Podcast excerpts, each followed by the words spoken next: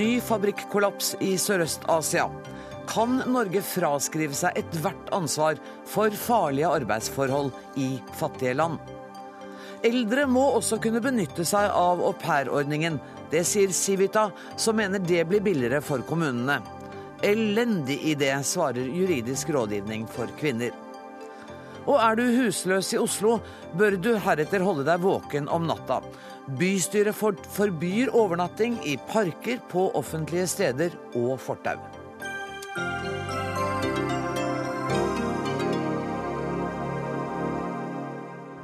Dette er sakene i Dagsnytt 18 denne 16. mai, der vi også får besøk av kulturministeren, som vil dele ut stipend for å styrke den undersøkende journalistikken. Men det forslaget får hun ikke mye applaus for i mediekretser. Det litt seinere i løpet av den neste timen. Først skal det dreie seg om tekstilindustrien i Asia. Minst tre personer omkom da en skofabrikk i Kambodsja kollapset i dag. Og situasjonen er fortsatt uavklart. Dette skjer bare uker etter at over 1000 mennesker døde da en tekstilfabrikk raste sammen i Bangladesh. Katarina Jacobsen, du har selv erfaring med å drive produksjon i Bangladesh med bedriften Jute.no. Fortell hva den bedriften din gjør. Uh, Bangladesh er jo fattig, men av de, et av de få produktene som de har der nede, er jo jute. Uh, det man kaller strie ofte i Norge. Uh, mitt utgangspunkt var at jeg ønsket å jobbe med Bangladesh. jeg er veldig glad i Bangladesh, har hatt et forhold til det landet i 25 år. Um, og um, da startet jeg med jute, fordi det er en av de tingene som faktisk fungerer, og som er et naturlig fiber som også av mange andre grunner bør brukes mye mer. Men med din kunnskap om Bangladesh, så måtte du vite at dette kom til å bli vanskelig. Ja, og det er vanskelig. Eh, det aller viktigste og vanskeligste det er jo å finne en god produsent. Men fordi jeg har eh, hatt et langt forhold og har mange venner der nede, så klarte jeg eh, det. Og det mm, er jo en av tingene som kanskje man bør snakke litt mer om, nemlig at vi ha Jeg har på en måte et vennskapsforhold til min produsent i Bangladesh. Og vi er likeverdige partnere. Eh, det er veldig viktig, fordi Bangladesh er jo et veldig korrupt land. Eh, I november, da jeg var der nede sist, eh, da for øvrig den andre store fabrikken brant ned, så hadde Transparency International lagt fram en rapport som viste at 97% av alle parlamentsmedlemmene i Bangladesh var korrupte. Det var da 97% Ja. Og da var det stor selvfølgelig mye moro med å prøve å finne ut hvem de tre resterende prosentene var. Det var ikke så mange som trodde på at de eksisterte, for å si det sånn. Man kan si mye om korrupsjon i Bangladesh, men det er et veldig viktig tema når man snakker om, om alt det vi snakker om nå. Den har også en annen side. Ikke bare liksom korrupsjon som vi kjenner som korrupsjon, men det at mennesker forholder seg til hverandre gjennom nettverk. Det betyr, eh, eh, og de er uformelle, de nettverkene. Det betyr at hvis du kommer innenfor et nettverk, hvis du blir introdusert av noen som kjenner noen, noen går god for deg, så kan du på en måte stole på de menneskene som du da jobber med. Eh, og det er et helt annet utgangspunkt enn å komme som en helt fremmed og bare tenke penger når man skal ned og produsere ting der nede. Men, men det er jo det siste som er faktum for internasjonale selskaper. De kommer ned og tenker penger. Eh, hvilke krav er det, kan vi stille de samme kravene til produksjonsstedene i Dhaka som vi kan gjøre i Norge? Selvfølgelig ikke. Det er jo én ting som er veldig viktig. Det er at eh, det å være fattig, det handler jo ikke bare om penger. Det å være fattig betyr først og fremst at man mangler trygghet på alle områder i livet. Og sånn er det i Bangladesh. Det er 160 millioner mennesker. De har ikke et sykehus som fungerer engang for alle disse menneskene. Eh, da dette skjedde i Savar, den siste, siste kollapsen, så uh, skjedde det mange ting samtidig. F.eks. at uh, et av de barnehjemmene som jeg har vært en del på i, i, i Dhaka, som er buddhistisk barnehjem, der plutselig tok de den der kjemperevnen i, i, bygningen hvor alle barna bor, på alvor, og fikk alle ungene ut i full fart, for da skjønte de at bygningene faktisk, faktisk kan falle ned. Det finnes eh, formelt instanser som skal kontrollere litt av bygningsmassen, men det skjer jo aldri. Det blir aldri fulgt opp. Um, og så er det andre ting også som at uh, det er en veldig vanskelig politisk situasjon i Bangladesh nå. Og korrupsjon er da på alle plan. Og fagforeningene er jo knyttet til de politiske partiene. Og Det gjør det jo også enda mer komplisert, fordi fagforeningene har heller ikke noe særlig troverdighet blant folk. Og de manipulerer situasjonen like mye som alle andre der nede. De er ikke rene, sier folk til meg. De er skitne, de også. Men kan du være trygg på at de som produserer de produktene du vil ha framstilt, at de har ryddige arbeidsforhold? Ja, for jeg har jo vært der nede. Jeg har jo truffet dem. Jeg har vært sammen med dem. Jeg har vært eh, på fabrikkene. Og så er det først og fremst det at jeg vet at eh, produsenten min og jeg, vi, vi, er likeverdige. Jeg stoler på han, han stoler på meg. Jeg vet at jeg kan stole på ham. Men det er samtidig selvfølgelig en hel haug med erfaringer som man møter f.eks. når det gjelder barnearbeid. Mm. Det er jo sånn at Barnearbeidet har blitt veldig redusert i Bangladesh, i den, den, delen som er eksportindustri. Og Det er selvfølgelig en bra ting, og det er takket være også internasjonalt press utenifra. Eh, men samtidig så er det sånn at eh, jenter mellom 15 og 18 år i Bangladesh som har mistet faren sin, og som i prinsippet er foreldreløse, som f.eks. bare har en mor, de lever en veldig utrygg tilværelse. Så da, for å være veldig realistisk, så kan spørsmålet være bør en jente på, på 17-18 år, 16-17 år, som har en mor som jobber i fabrikken, eh, ikke får lov til å komme inn i denne fabrikken og jobbe der, og i stedet risikere å sitte hjemme i en hytte og være veldig mye mer sårbar enn hun ville være hvis hun kunne være på en ordentlig fabrikk. Det er sånne ting som man liksom må diskutere når man kommer ned der. Og ta stilling til. Og ta stilling til. Hva gjør du i en sånn situasjon? Nei, Jeg har jo sett at det har vært noen av jentene på, på de fabrikkene som jeg har eh, produsert ting på, som, eh, som er under 18 år. Og det har jeg diskutert med produsenten min, og han har gitt meg det svaret, og det syns jeg er greit. Mm. Du har sagt at du vil, en, du vil, være med på å lage en gyllen handelsbro mellom Norge og Bangladesh. Det forutsetter jo mer enn at du og produsentene skal være like, men det forutsetter jo at vi i Norge ser på Bangladesh som leverandør som likemenn. Ja. Det tror og der er vi ikke. Der er vi overhodet ikke. Og det er ganske langt igjen. Hvordan skal vi komme dit? Dette er jo selvfølgelig et enormt spørsmål. For det første så vil jeg jo si at dette handler jo om økonomiske strukturer fremfor alt. Mm. Det handler om, eh, om en, altså en, økonomi som er fullstendig sluppet fri, og hvor, hvor, hvor, hvor, ting selvfølgelig blir vanskeligere å regulere. Og jeg tror det kommer til å, å gå feil vei. Samtidig så må man si at nå har Bangladesh, eller tekstilindustrien har jo vært i Bangladesh nå i litt over 30 år. Mm. Og det, klart at, det, er klart at det har gjort veldig mye for veldig mange. Og 90% av de som jobber der, er jo kvinner, og de har ikke veldig mye andre muligheter enn en tekstilindustrien. Det som er veldig viktig nå, sier mine venner i Bangladesh veldig tydelig, det er at man må ikke trekke seg ut av Bangladesh. Man må fortsette, man må forbedre forholdene. Det er en lang prosess. Eh, men vi må gå inn i det med en litt annen holdning enn denne at vi skal være så veldig gode og snille og hjelpe dem. Og at, at, handelen skal være så forferdelig rettferdig plutselig.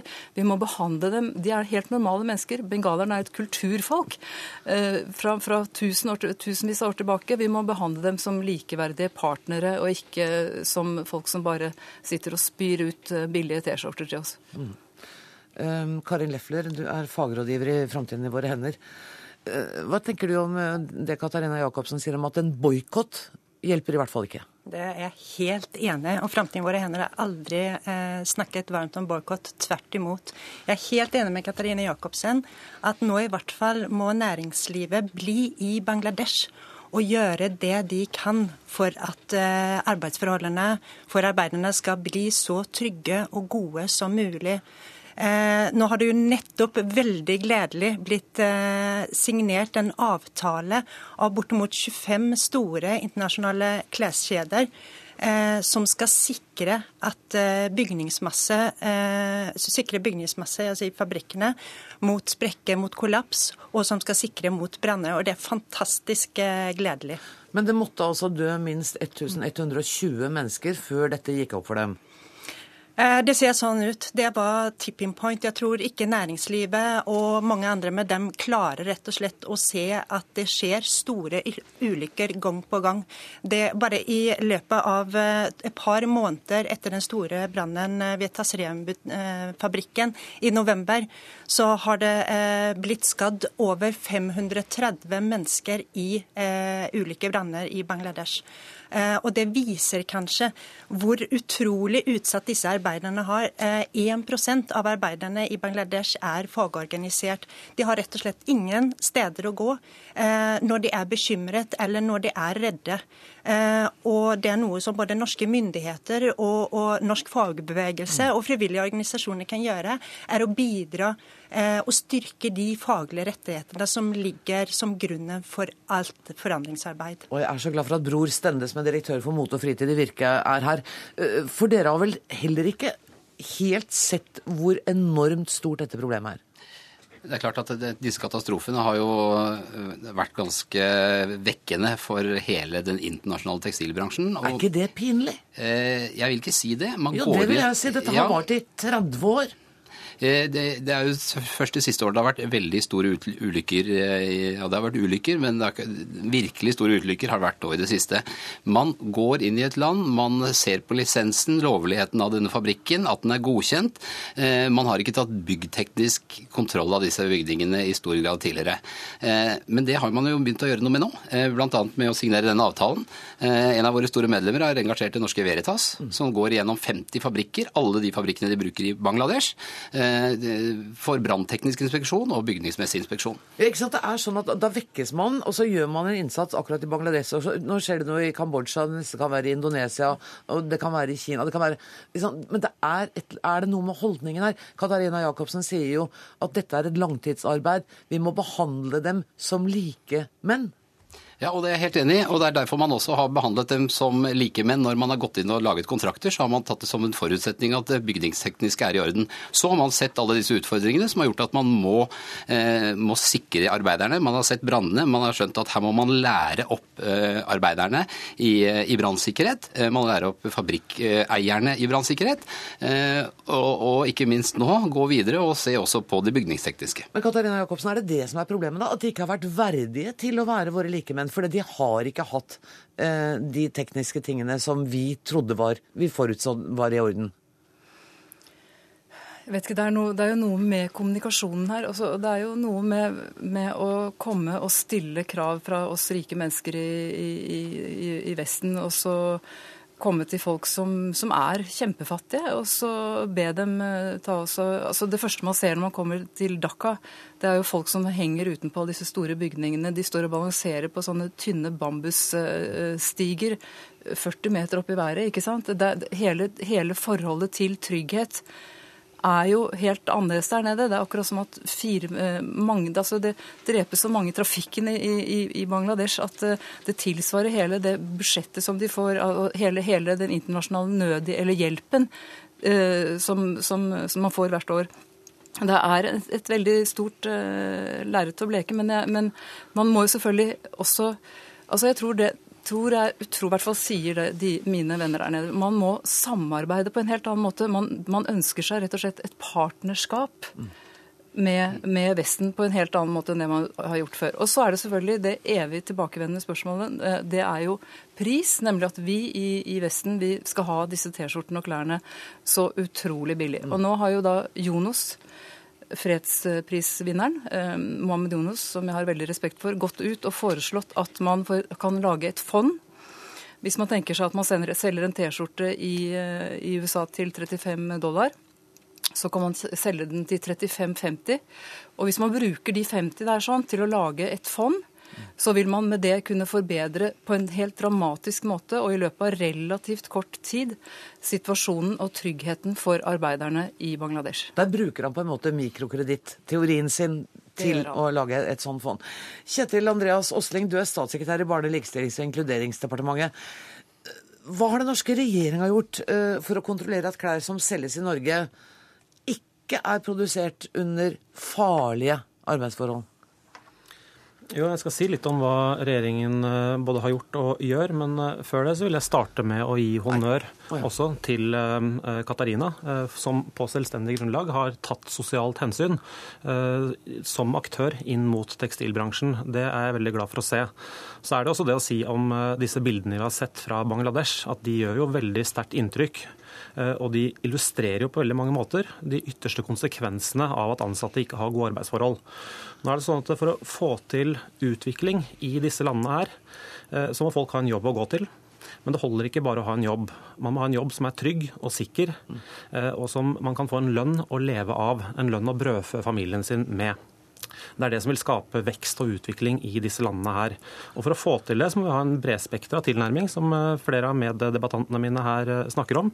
Eh, det må være et samarbeid mellom myndigheter, mellom næringsliv og organisasjoner. Og vi må tenke både nasjonalt, hva vi kan gjøre hjemme, og hvordan vi kan jobbe internasjonalt for å få til et felles løft på dette området. Ok, Og så til hva gjør Norge for å kontrollere at det vi kjøper av klær i Norge, ikke er produsert under livsfarlige forhold? Ja, nå er det jo sånn at Regjeringen har lagt fram eh, bl.a. en stortingsmelding eh, å, som heter 'Å skape for å dele'. og Hovedvirkemidlene er jo kampen for fattigdom, eh, men nettopp gjennom det å sikre at man får en bedre fordeling mellom folk, og også gjennom å sikre at man får tryggere og bedre arbeidsvilkår for ansatte, gjennom å styrke bl.a.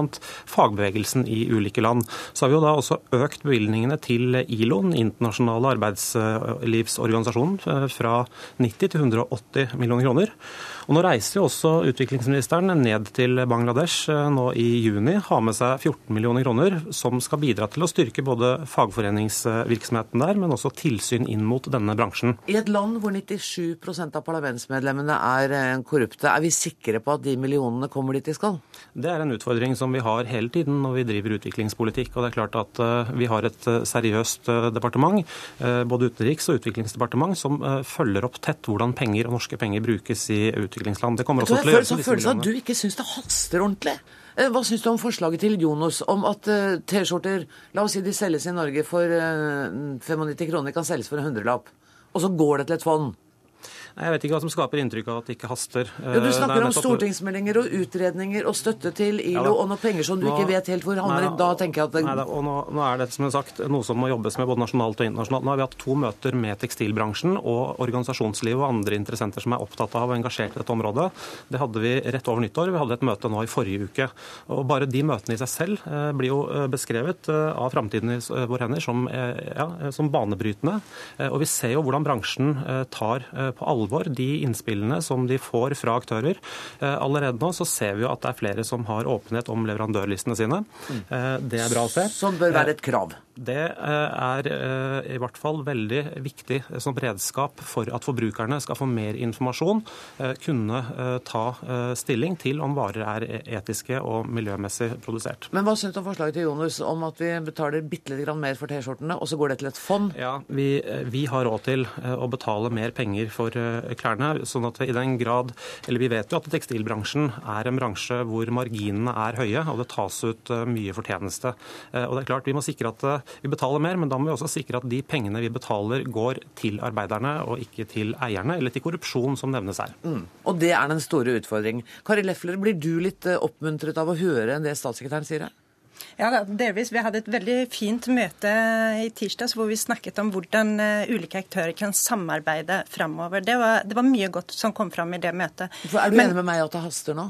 Det, det, haster veldig. Eh, det har hastet egentlig i mange år. Det skal ikke en fabrikkollaps til egentlig for at eh, det skal skje rask endring. Og jeg vil utfordre regjeringen eh, på i morgen dag å starte å gå gjennom sin La dem slippe ja, i morgen, okay, Greit. Ja. på mandag. Nei, på tirsdag. Å gå igjennom sine egne lover og regler for å se hvor er det mulig å eh, sette i verk tiltak som sikrer eh, trygge og gode arbeidsforhold for, eh, for eh, fabrikksarbeidere i Bangladesh og andre steder. Den ene tingen og den Nei, andre ting. Og vi rekker ikke mer. Altså, Tida går utrolig fort i interessant selskap. Vi kunne brukt hele Dagsnytt 18 på dette. Men du tar med deg utfordringen til eh, departementet. Ønsker Katarina Jacobsen lykke til. Sier takk for at dere kom. Også til Karin Lefler, til Kjetil Andreas Osli og til Bror Stende.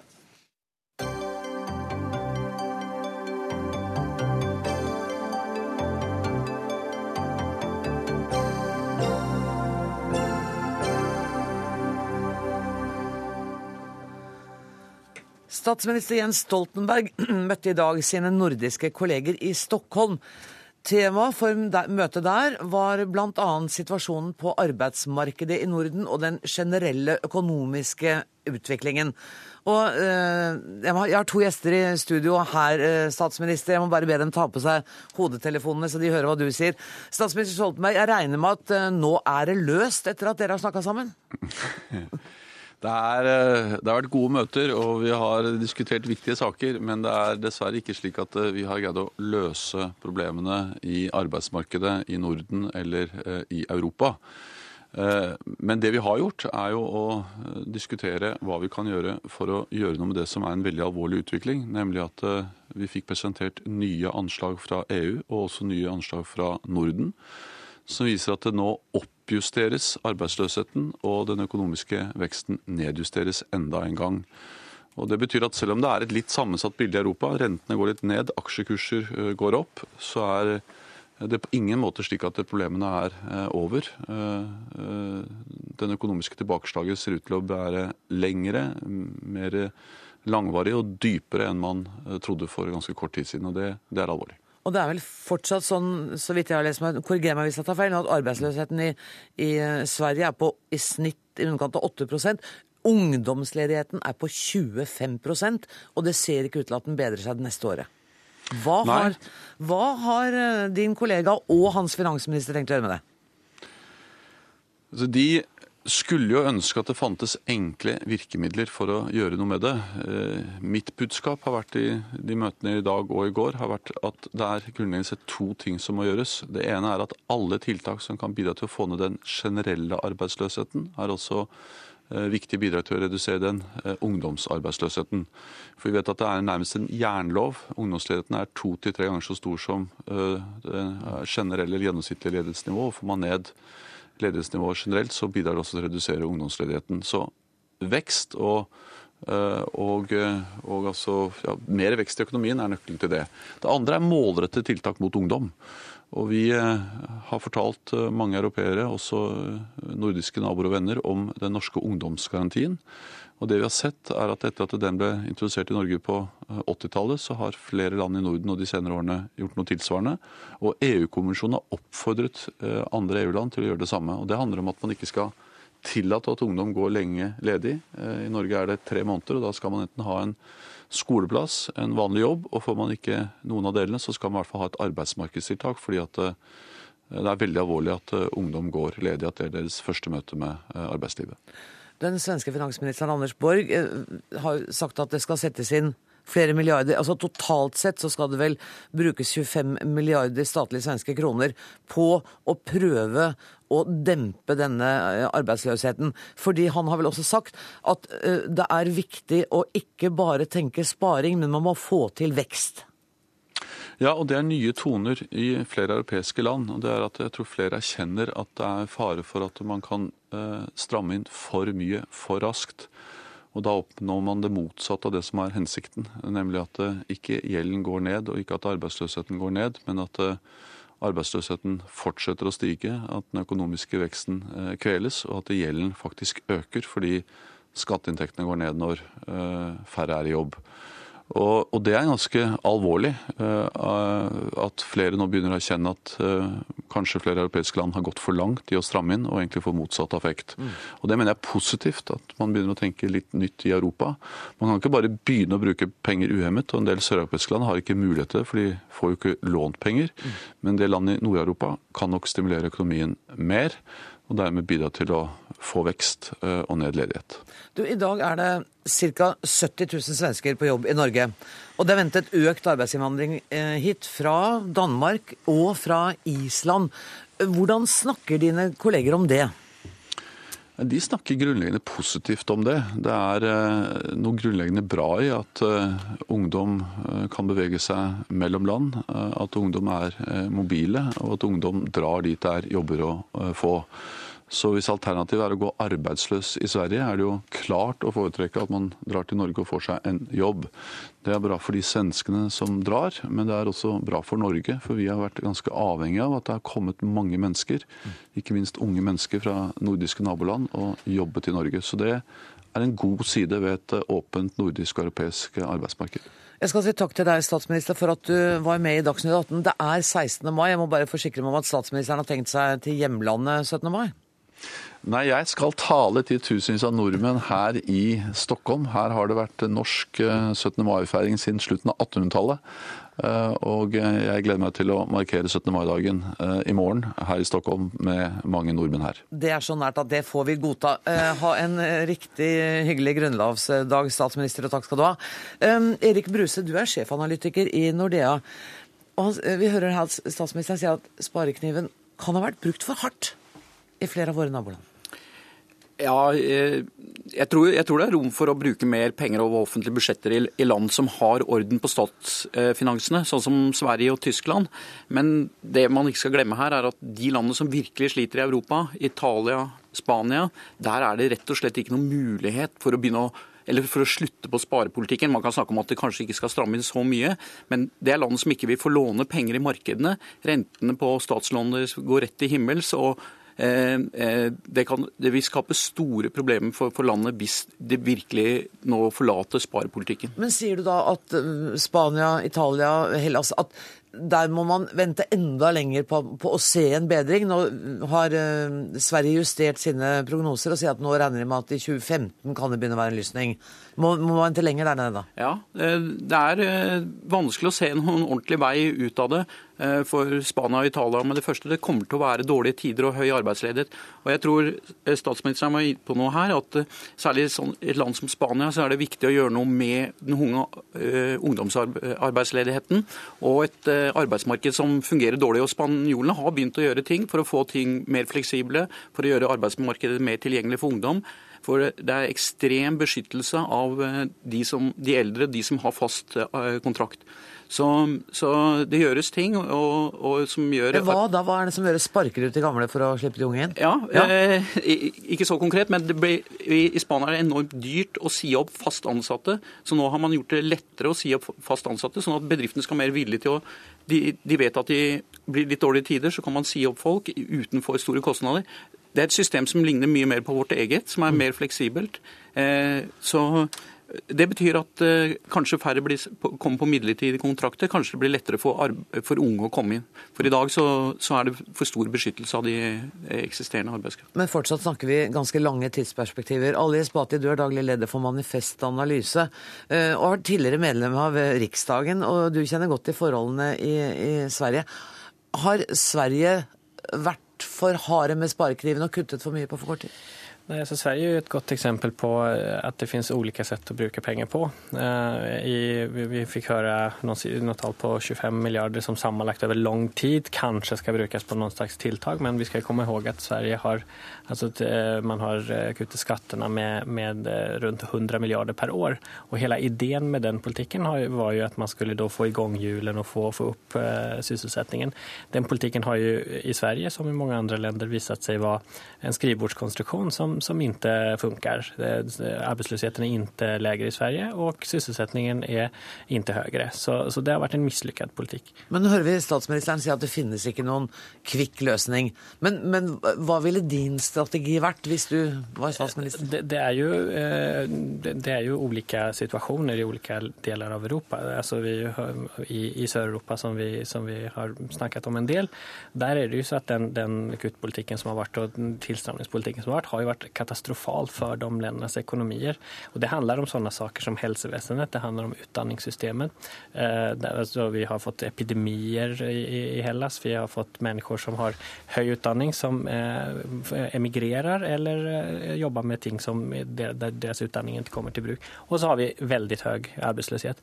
Og det er jo ikke et sett å spare på samme sett som man gjør i en egen hushold. Så at nå har vi ikke råd med så mye, så vi legger undan 10 kroner her, så har vi kanskje til, til mat i morgen morgon, utan det er å förstöra ressurser hver dag som finnes i økonomien. Og det er katastrofalt, mener jeg. Men å ser jo Bruse at der, det er ikke noe der. Det er ikke noe, de får ikke noe lån. Mener du at det er et realistisk alternativ å, å begynne å øke underskuddene på offentlige budsjetter i, i Spania og Italia? At det, det, er en mulighet for de landene? Nei, altså, det er to ulike saker. Det ene er jo at, uh, at uh, den kuttpolitikken som føres i dag, den er jo påtvinget de her landene på at man har flyttet en hel del av, av gjeldsproblematikk i private banker til statsbudsjetter. Spania til eksempel, jo, hadde jo vel fungerende statsøkonomi, men man fikk en boligboble. Og nå så tvinges vanlige mennesker i Spania betale med høy arbeidsløshet. Er det EUs skyld, eller? Nei, nei, det er, altså, ja, altså utformingen av hvilke krav man skal stelle på de her landene, er jo, er jo bl.a. EUs skyld. Og det er jo ikke bare jeg som sier det. Det er jo økonomer etter økonomer eh, som innser at det her er uholdbart. Til og med innom IMF-systemet og Verdensbanksystemet ser man at dette går går jo veldig galt. Ja, altså, det, det, kan godt ha vært gjort feil, og jeg er helt klart at eh, boligboblen i, i Spania fikk gå altfor langt. Men poenget er i dag så er det ikke noe realistisk alternativ for Spania å begynne å bruke mer penger over offentlige budsjetter. For hvis underskuddene begynner å øke igjen, så får de ikke låne penger. De får ikke låne penger av markedet, de får ikke låne penger av Tyskland, de får ikke låne penger av den europeiske sentralbanken. Og, og, da står de plutselig foran mulighet for mislighold av lånene, og det vil være en katastrofe for næringslivet. Det vil være en katastrofe for bankene, som allerede sliter. Et hovedproblem i Spania og Italia det er en veldig dårlig banksektor. Eh, du må betale dobbelt eh, rente på et lån i forhold til Tyskland, tilsvarende lån, selv om det er én valuta og én rente i teorien. Og det er fordi banksystemet fungerer veldig dårlig. Og her må man sette inn tiltak. Dette er viktige ting som kanskje felles man kan løse felles i euroområdet. Og jeg er også enig i at eh, land som har orden på, på, statsfinansene, sånn som Tyskland, burde stimulere økonomien. De har muligheter til å gjøre det, og det vil være gunstig også for Sør-Europa. Eh, men, men, det er ikke akkurat noe Merkel altså, ønsker. Altså, en poeng med den tilstramningspolitikken som har vært, eh, er jo at de her landene skal bli bedre i stand til å betale eh, tilbake eh, sine, sine, sin gjeld for at ikke få mislighold.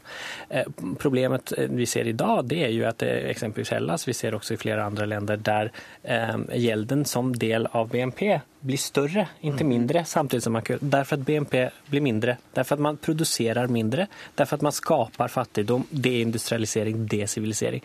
Det er, ikke, det er jo ikke en bærekraftig løsning. Nei, så... men, men, dere vet hva, altså, Nå hører vi at uh, de nordiske statsministrene de har i løpet av et langt møte ikke klart å finne løsningen. Da er det jo ikke så rart at vi tre på løpet av et kort møte ikke klarer det heller. Jeg tenker at vi kommer til å måtte møtes i dette studioet og snakke mer om dette.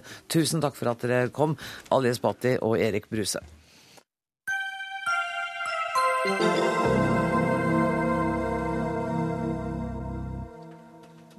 Nå skal det til å begynne med i hvert fall dreie seg om Oslo. For i Oslo kommune skal det nå bli ulovlig å overnatte på fortau, i parker og andre grøntarealer og på offentlige steder. Det ble vedtatt i bystyret i går.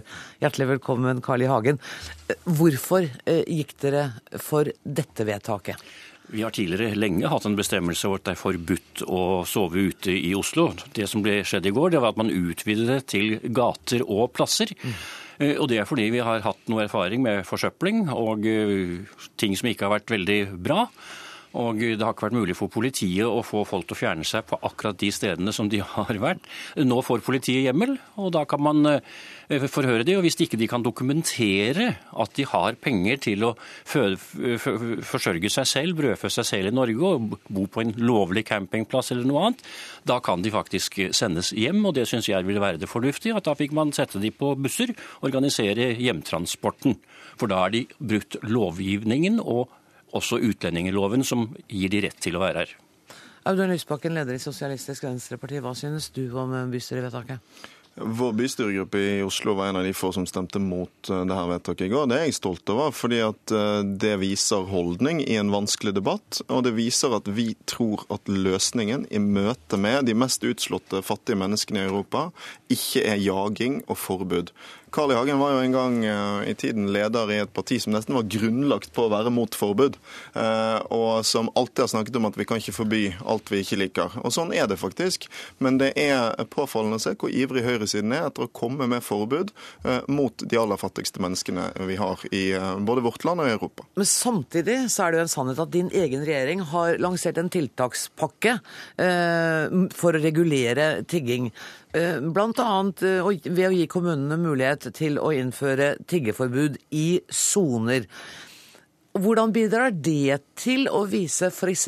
romfolk den samme respekten som du jo etterlyser i din kronikk på NRK Ytring i dag? Mange av de tok jo godt imot eh, de tiltakene regjeringen kom med. Problemet er at kommunene ikke vil bruke de.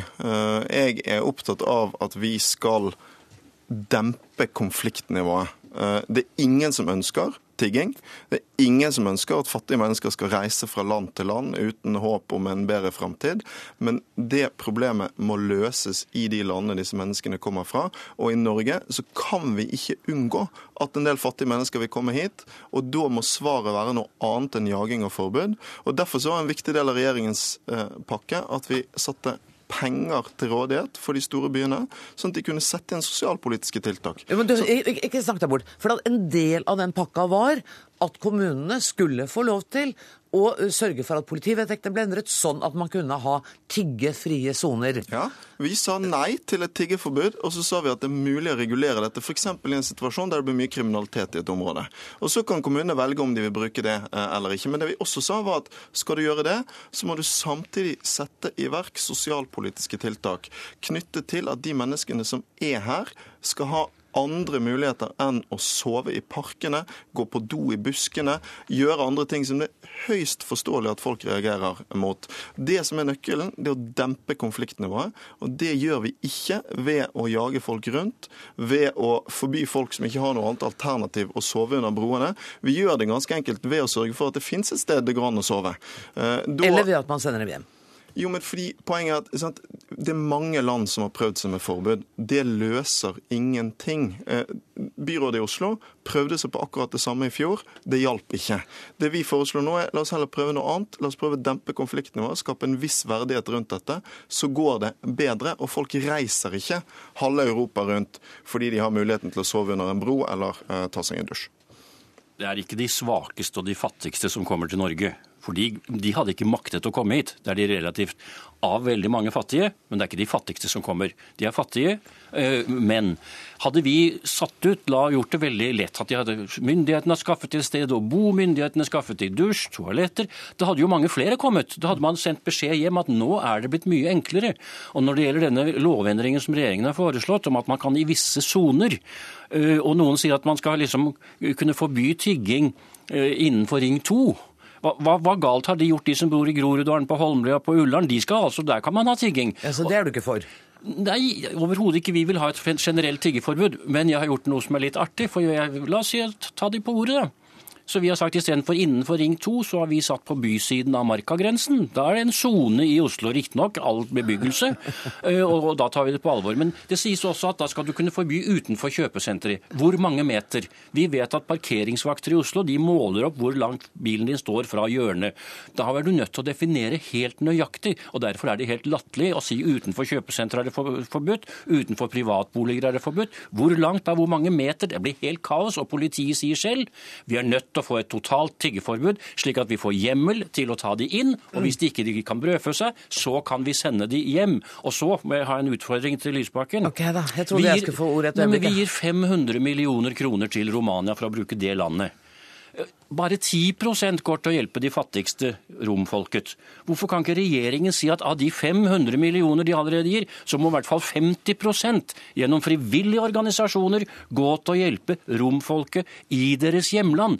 Vi må vi kan ikke gjøre det, og da kan vi sørge for at våre penger hjelper de der, og så kan vi busse hjem de som dessverre har kommet hit. Jeg syns det er veldig bra at vi hjelper romfolket i deres hjemland. Jeg har sjøl foreslått at vi skal bruke en større andel, men Fremskrittspartiet pleier å klage over at vi bruker penger i Øst-Europa. Så det er jo originalt hvis dere nå vil bruke mer eh, på noe. Vi er for EØS, dette er EØS-midler. Og dere pleier eh, jevnlig å, å beklage dere over at det går for mye ut. Men det er nå den siden av saken. Poenget er løser forbud noe i denne saken? Nei, fordi at det er ikke på gatene i Oslo dette problemet er skapt. Det er skapt gjennom diskriminering og fattigdom ute i Europa.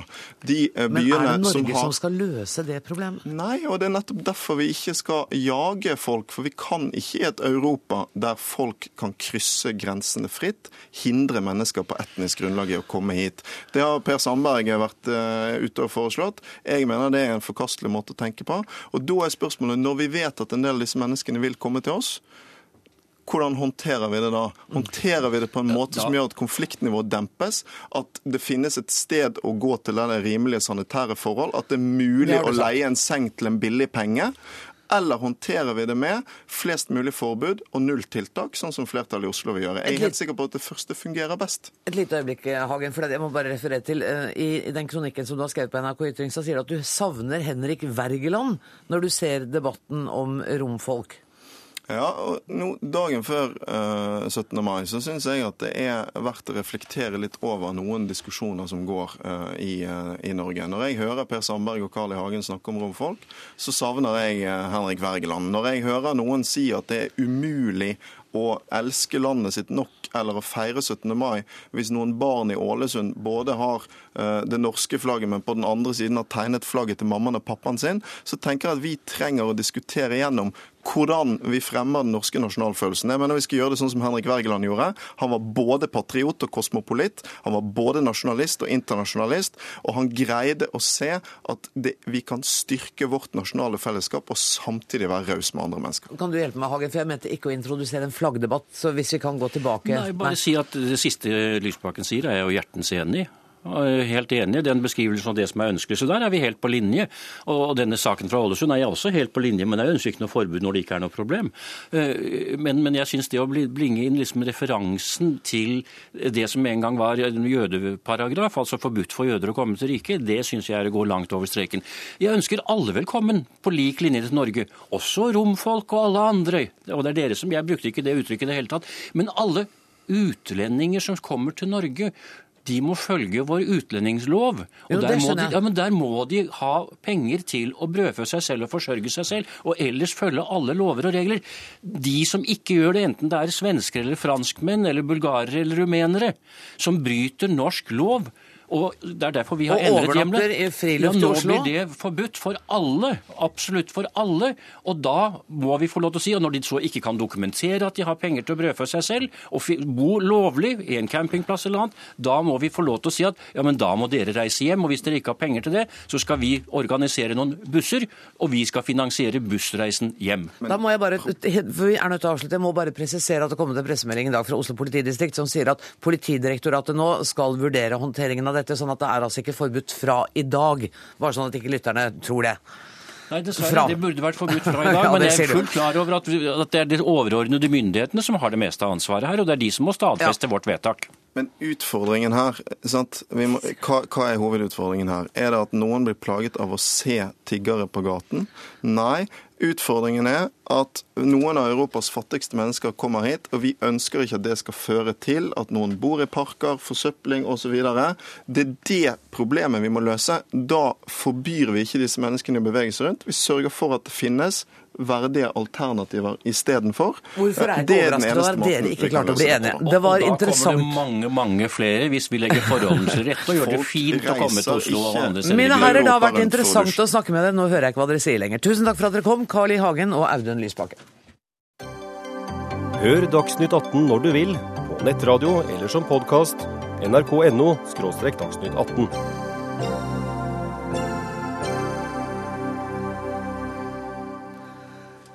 Det har også gått en hissig debatt her til lands om å legge ned aupairordningen eh, fordi at eh, mange følte at eh, de unge kvinnene ble utnyttet.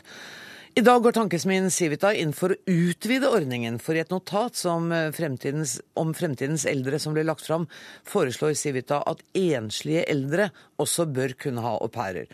Da kan de eldre bli boende hjemme lenger, og kommunene sparer penger. Skal dette fungere som en aupairordning, idéhistoriker og prosjektleder i Civita, Mathilde Fasting? Ja, utgangspunktet, så lenge aupairordningen er eh, lovlig, slik den er i dag, så er det ikke noe grunn til at ikke den kan fungere som en aupairordning. Men vi stiller jo selvfølgelig også spørsmål ved den, eh, de problemene som er avdekket i Brennpunkt, og sier at uh, hvis den kontrakten i dag ikke fungerer som den skal, så får man se på kontrakten, og så får man gjøre den kontrakten så god som mulig, slik at den blir mulig å benytte også for eldre.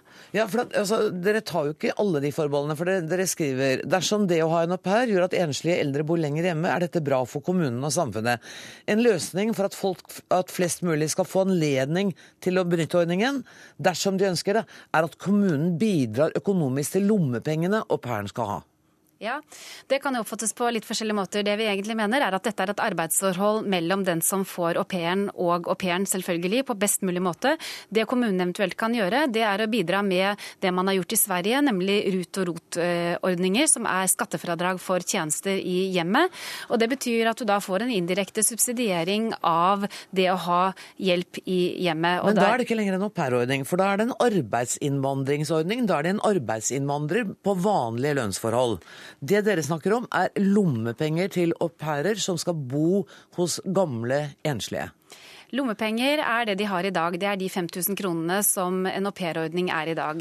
Slik at eh, hvis kommunene eventuelt skal bidra med det, så må det eventuelt være at man avlaster andre tjenester som den som får aupairordningen også har krav på i kommunene. Men dette dreier seg altså om enklere tjenester, ikke om medisinsk pleie. Men skal, det skal være en aupairordning hvor vedkommende skal bo hjemme hos den som trenger hjelpen. Lene Løvdahl, rettighets- og prosjektansvarlig i JURK, juridisk rådgivning for kvinner. Hva er din reaksjon på forslaget?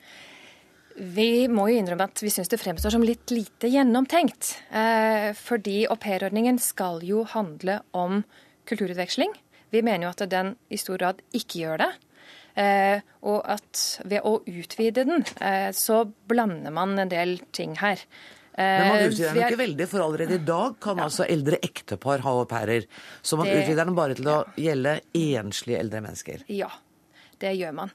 Men det som Civita gjør, og som vi for så vidt er enig i, er jo at dette er et arbeidsforhold.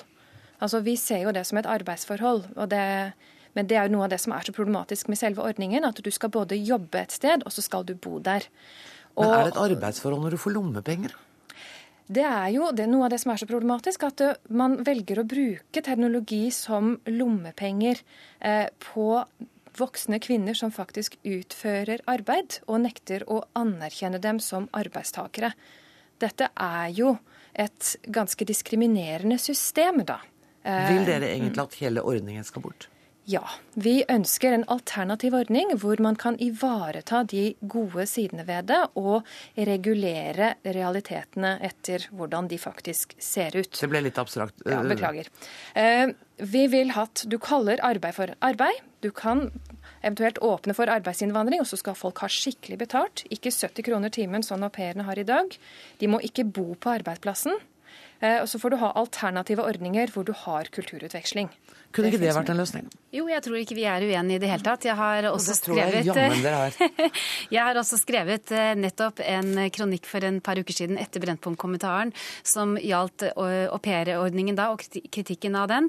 Nemlig det at eh, kulturutvekslingen det kommer helt i skyggen av hva dette egentlig er, nemlig arbeidsinnvandring. Så vårt forslag går altså på at det skal være mulig og mye enklere å få hjelp i hjemmet enn det det er i dag, også for enslige eldre. Og jeg er også helt enig i at dersom det ikke fungerer for en au pair å ha et arbeidsforhold hvor man også bor hos den arbeidsgiveren, så syns jeg at man heller skal se på muligheter for å ha det separat. Men kunne det vært en idé å droppe uttrykket au pair? For dere skriver bl.a. i Irland har ordningen med au pair blitt svært populær, og det er mye som tilsier at dette også kan brukes mer i Norge. Mm. Da jeg leste det, så tenkte jeg har dere ikke fått med dere debatten? For det, det, du sier, er jo at dere vil ha arbeidsinnvandring. Dere vil at de som kommer, skal ha skikkelig betalt, skikkelige boforhold, ikke lommepenger. Og da er det ikke lenger au pair. Eh, først vil jeg understreke at det er faktisk en del au pairer i dag som både bor ordentlig og, og trives godt med de ordningene de har. Så det, det er i hvert fall sak. Ja. Men så vil jeg si også at uh, det beste hadde vært nettopp om vi kan få til den typen løsning som du sa nå, og som jeg også tror at min uh, meddebattant her ønsker å få, nemlig et ordentlig opplegg. Men så sier det seg selv at uh, trenger disse eldre åtte timer om dagen, eller trenger de fire timer om dagen, eller hva trenger de?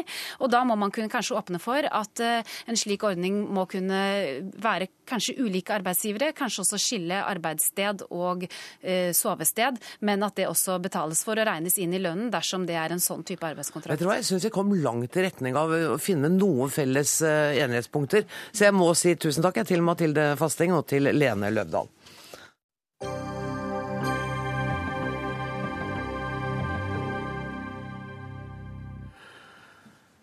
Under nordiske mediedager i Bergen i forrige uke avslørte kulturminister Hadia Tajik at hun ønsker å opprette en egen støtteordning for undersøkende journalistikk, det vi journalister kaller gravejournalistikk. Private medier skal kunne søke om støtte og korriger meg nå, statsråd, hvis jeg sier feil, skal søke om støtte til spesielle prosjekter.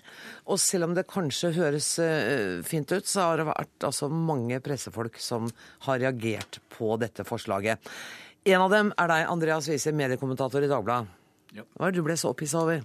Nei, Det som er problemet, er jo at noe av det viktigste med uh, poenget med mediene er medienes uavhengighet, og at det er redaktøren som bestemmer hva som står i avisen. Og I det øyeblikk du begynner å innføre støtteordninger der man kan søke utenfor redaksjonen om midler, så styrer den uh, hvilke ting som blir skrevet om i avisen. Det blir flyttet myndighet på hva som skal stå i avisen, ut av redaksjonen og inn i en eller annen nemnd eller komité eller råd. Men slik har det jo vært vist seg tidligere også. Vi kunne søke om støtte fra Utenriksdepartementet og forskjellige andre ting til å gjøre spesielle reiser. Nå er det vel blitt slutt på det, men i gamle dager var det jo sånn. Ja, og så ble det slutt på det. og Det var kanskje en grunn til at det var litt lurt at det ble slutt på det også. Men nå skal det inn igjen. Og det er litt uheldig. Og det er særlig uheldig fordi vi er i en veldig overgangstid i mediene. Og, hvis, og vi leter etter nye måter å finansiere så mye medier som vi trenger på. Og hvis vi begynner å innføre slike ordninger hvor enkeltsaker, enkeltprosjekter, får støtte utenfor redaksjonene som en større del av en ordning, så er vi i et landskap som kan bli veldig uheldig. Men foreløpig er jo dette helt i støpeskjeen. Statsråden har ikke sagt hvordan dette skal gjøres, eller hvem som skal bestemme det, eller hvem som skal sitte i utvalget som skal gjøre det. Er det ikke litt tidlig å være så negativ? Kunne vi ikke venta til vi så forslaget? Ja, Vi har ikke så god tid. Altså, det, er snart, det, er snart, juni, og det er snart slutt på Stortinget. Og dette skal være klar ifølge statsråden til 1.1.2014. Slik at det er vel ikke vårt problem at vi ikke får et godt grunnlag å diskutere det på av departementet. Det grunnlaget skal vi få nå. Velkommen, kulturminister Hadia Tajik. Eh, kan du si litt mer om hvordan du har tenkt deg dette? Altså for det første, Jeg syns det er helt greit at Andreas Wiese og andre er kritiske. Det er et sunnhetstegn ved norsk presse at når jeg legger fram et forslag, at man da ser på det med et kritisk blikk, og ikke bare bejubler det forslaget. Så vil jeg understreke at det er pressestøtten som vi mener at det er det aller viktigste eh, virkemidlet for at norske redaksjoner skal ha gode økonomiske forhold. Det har vært eh, viktig for vår regjering òg at vi styrker pressestøtten. Vi vi økte den senest i 2013-budsjettet med 20 millioner kroner. Det mener jeg er kjempeviktig at man fortsetter å, å, hegne om. Så når jeg da foreslår at man skal ha en kvalitetsstøtteordning for journalistikk, altså en ordning som man da skal kunne søke på når man skal lage journalistikk, som krever tid, som krever penger, og som har en viss samfunnsmessig betydning, så skal ikke det gå på bekostning av de generelle økonomiske rammevilkårene til pressen. Det er ikke en ordning som ligner på det man hadde i Utenriksdepartementet før. Altså Reisestipendene som programlederen er inne på, og som Andreas Wiese er kritisk til, var en ordning som ble forvalta av Utenriksdepartementet, og som man da var kritisk til at kunne skape for sterke bindinger mellom eh, journalisten eller redaksjonen eh, og, eh, og, staten eller Utenriksdepartementet. Og For meg er det veldig viktig at uansett hvilken innretning vi til slutt ender ned på. Nå skal det være helt klart at jeg og Kulturdepartementet skal ikke forvalte disse pengene. Det skal vi sette ut til en uh, uavhengig instans som jeg ikke skal ha. Jeg skal ikke ha innflytelse over hvem det er som forvalter pengene som sådan, eller hvordan det er de forvalter de. Men, men Andreas, men Visa har, har, helt rett i at det ligger utenfor redaktørens eh, område. Sånn at hvis da han og jeg finner ut at vi skal, nå har vi lyst til å drive gravende journalistikk i tre måneder, og vi trenger penger til det, så er det ikke våre respektive redaktører som skal ta stilling til det, men en utenforstående. Jo, til enhver tid er det jo redaktøren som bestemmer hva okay. det er man setter på trykk i en avis og ikke. Så jo, hva man setter på trykk, men hva man initierer og gir oss muligheten til å Nei, jobbe med? Det finnes ulike modeller man kan tenke seg. Eh, en modell vil jo være at eh, søknadene går via en redaksjon, og at redaksjonen lager en prioritering av hva det er man ønsker at det skal være prioriterte eh, oppdrag for redaksjonen, og at man da sender en, en henvendelse basert på det. Men man kan òg tenke seg at det er altså Eh, jeg opplever f.eks. at skupleder, altså tidligere skupleder Kjetil Stormark, når han skriver i Dagens Næringsliv i dag og uttrykker en viss støtte til ideen om at man bør ha en, en kvalitetsstøtteordning, så er han òg opptatt av at man skal kunne klare å bygge opp uavhengige, konkurrerende eh, miljøer til de etablerte redaksjonene i dag. Det syns jeg er en spennende tanke. Det er et poeng, Visa. Jo, men problemet er jo at hva, hvem nå denne komiteen eller nemnden eller statlig utvalg eller hva det blir som skal avgjøre hvem som skal få støtte. Mm. Altså Man vil jo etter hvert vite omtrent hva slags ting de gir støtte til. Hvis vi er inne i en trend med mye miljøjournalistikk f.eks., så vil man prioritere å søke om miljø, for det er der man får penger. Mm. Hvis det er inne i en annen trend, så vil man søke etter andre ting. Og dermed så vil dette her, selv om det er med en armlengde eller to eller tres avstand til selve Kulturdepartementet, styre hvilken journalistikk det er. All, alle penger som gis til journalistikk, har den risikoen ved seg. Og jo mer konkret det blir på enkeltprosjekter, jo større blir styringsgraden. Så, nå, så, selv om du ser at dette er gjort med den største velvilje, eh, så ville det kanskje vært greiere at man gjorde dette via pressestøtten? Ja, jeg syns det ville være mye greiere. Nå er det jo øh, Det man må være på jakt etter, er måter å dele ut disse pengene på som i minst mulig grad styrer pressen og pressens valg. Hvordan skal man gjøre det hvis man ikke skal gjøre det ved pressestøtten og ikke ved denne type stipender? Ja, F.eks. hvis man eh, gir en støtte som er et, et fast kronebeløp per ansatt redaksjonell medarbeider i en avis. Altså ikke sant at alle som er redaksjonelt medarbeider, kommer det en støtte på 40 000-50 000 kroner for plassen. Og så er det opp til redaktøren å fortelle hva disse menneskene skal skrive om.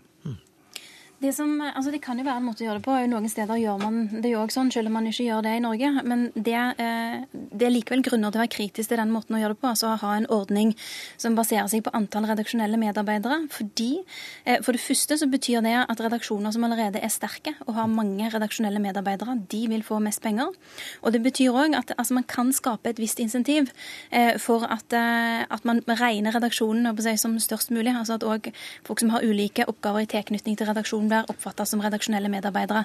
Så altså, Jeg skjønner eh, tenkningen til Andreas Wiese, eh, og, og som sagt, en del steder løser man det sånn, men jeg mener at innretningen på det gir feil insentiver, og at det bare styrker de redaksjonene som allerede er sterke. Det er det, kanskje de som trenger det minst. Det er kanskje et problem.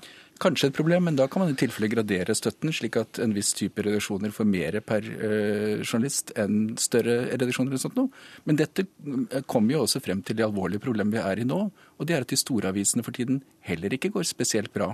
Altså Det er en grunnleggende medieøkonomisk krise som gjør at man ser for seg at dette blir vanskeligere og vanskeligere å få til å gå rundt. Og vi kan komme i en situasjon hvor selv de største kan trenge støtte hvis man skal opprettholde journalistikk av en viss kvalitet. Mm. Og her er et av problemene at, at eh, Slettholm-utvalget i dag skulle se på mediestøtten. Og i dag så er det to år og fem måneder siden de, de la fram sitt utvalg, og det har ikke skjedd stort. De foreslo 8% moms på digitale medier.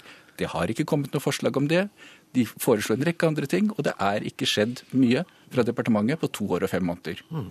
Det har jo egentlig det, da. Altså, jeg vet jo at det er forventninger knytta til momsomlegging og den type ting. Det, oh, det må vært... vi ta en annen gang. Men, ja, men la meg ta det, det, korte og det enkle. og det er at Man har jo hatt forventninger om å om, legge om pressestøtten sånn at den òg skal gjelde digitale utgivelser. Det er vi godt i gang med. 20.6 reiser jeg til Brussel for å få dette her på plass.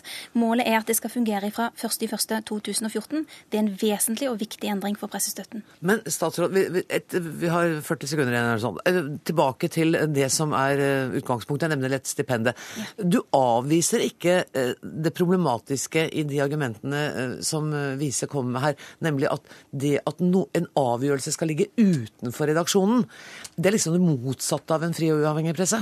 Jeg mener jo at han reiser helt relevante dilemmaer, men jeg mener òg at når Kjetil Stormark, tidligere SKUP-leder, påpeker at behovet for å bygge opp eh, altså, an, altså, nye redaksjoner, uavhengig, altså nye typer miljøer enn de allerede etablerte redaksjonene, så syns jeg at det òg er et vektig perspektiv. Men da er det også viktig å ivareta de redaksjonene vi allerede har, fordi dette er et økosystem som er truet. Blant annet gjennom pressestøtten, så det er vi helt enige om. Men du, eh, hvor store har du tenkt at de stipendene skal være? Du, Det kommer jeg tilbake til i, eh, i statsbudsjettet, så da får Andreas Wiese og andre nye muligheter til å være kritiske til dette. Men, men, har du tenkt noe mer siden mediedagene på hvordan du syns eh, hvem som skulle sitte i juryen, hvordan det skulle være? Jeg har tenkt masse på det og har, eh, har, noen eh, ideer til det. Men jeg kommer tilbake til det eh, på en ordentlig måte. og Jeg, tror ikke det å ta det over bordet her nå er den, er den, rette måten å gjøre det på. Ok, Men det var ikke så uordentlig det dere gjorde her i dag heller. Kan ikke jeg få invitere deg tilbake når du har ferdigtenkt forslaget? Veldig gjerne. Og da kommer du også, og du er sikkert like kritisk.